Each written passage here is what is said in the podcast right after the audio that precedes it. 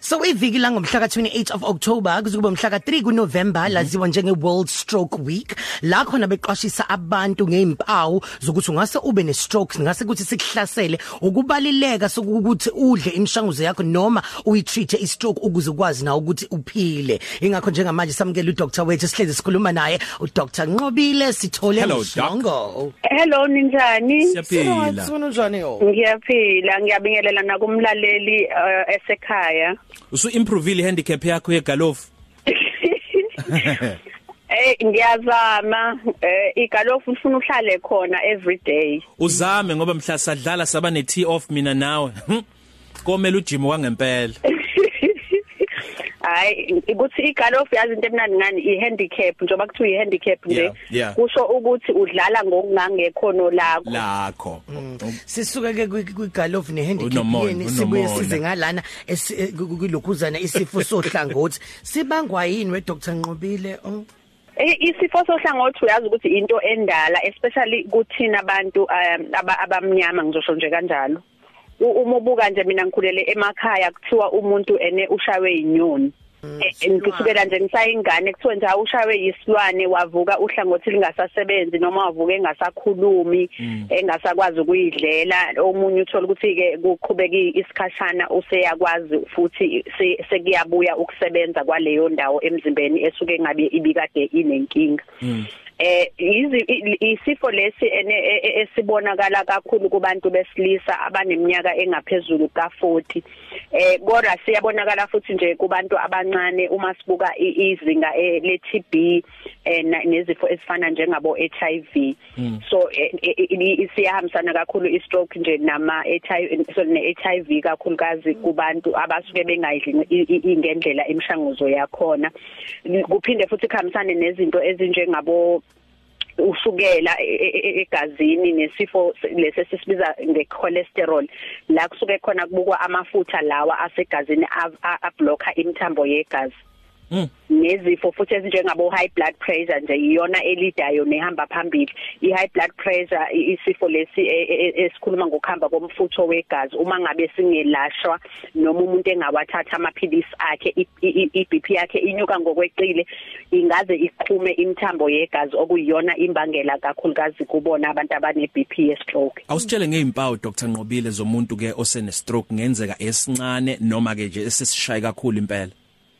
Eh ukubalula nje kakhulukazi i stroke before umuntu kuthiwe simshayile umzimba uyaye ube nama warning signs.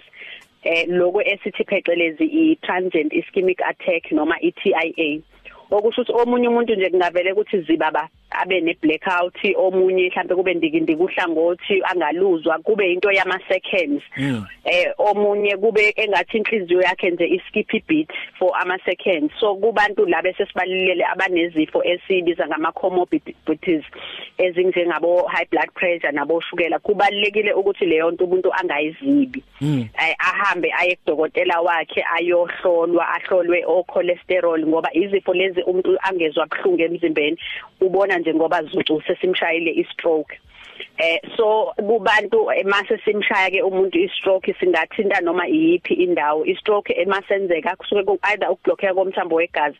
So lokho sikubona ngokuthi ohlangothini oluyi opposite ebuchosheni okusho ukuthi uma ngabe ushawa i stroke ngakala ngaka left or uhlangothi olwaka right ebuchosheni la igazi lisuke lingahambi khona. So kungaba ukubandikindiki omunye umuntu kube even ukukhambisana nokudlikiza okokuqala nje umuntu useyaqala uyadlikiza emva kalokho akasakhulumi akasakwazi ukunyaza ingalo noma inyawo akasakwazi ukuhamba akasakwazi ukuyifunza akasakwazi ukukhuluma eh a- communicate so izona zonke lozo impawu ze stroke Pho ulapheka kanjani umuntu esesimshayile Dr. Nqobile? engithanda ukukubalula nje kakhulu umlaleli njoba siqwashisa ngendaba ye stroke ukuthi i stroke si medical emergency. Eh mangithi i medical emergency njoba ngisho nje ukuthi ngiwumuntu oqondayo kakhulu ngokwekulapha kwezinto zesintu eh futhi ene o- o- o- ohloniphayo ukulapha kwezinto kodwa uma sibuka isifo esinjenge stroke umuntu kubalekile ukuthi abe sesibhedlela within 4 hours wakhona ngoba umphumela wokwelwashwa kwe stroke leso sikhathi nje sibaleke kakhulu ngoba indawo ebuchosheni esuke ithintekile isuke ingakafi Mm. permanently ama cells so muthola umuntu sisizomthatha sithi hayi sisamusa kumuntu wesiZulu for 2 weeks. By the time ebuya eza ngala ngisho kuthiwa ube nayo i-tense yokuthi ene sikwazi ukuthi eh simthrombolize okuyinye i-treatment eyenziwa la kusuke kuncibilikiswa khona ihlulilo lisuke livimbile umthambo wegazi uphinde uhamba umthambo wegazi ubuchopho bukwazi ukuthola ioxygen nazo zonke izondlo ezisuke zisegazini mm. so mangabe uthola ukuthi sesimise thina eh, kamambani for inyanga yonke and then sesimise esibhedlela vele leyo ndawo yobuchopho isuke isifile ngoba isuke ikade ingatholi ioxygen ingatholi igazi no noshukela. So uthola ukuthi umuntu ngisho kuthiwa ubengeke aze akhubazeke. Seyophila impilo yakhe yonke nokukhubazeka ngenxa ye stroke mm, mm, ngoba nene nigijima nithi inyoni? We Dr Nqobile eh, sona ke i stroke ake sithi ngoba sike sibone kusizwe nge cancer ukuthi ekwesinye isikhathi makhona umunye umuntu ukuthi la ekhaya vele kunomlando ukuthi khona umuntu wake waba nayo i cancer kungenzeka ukuthi ezinye futhi nezizukulwane zingase nazo zibe nayo.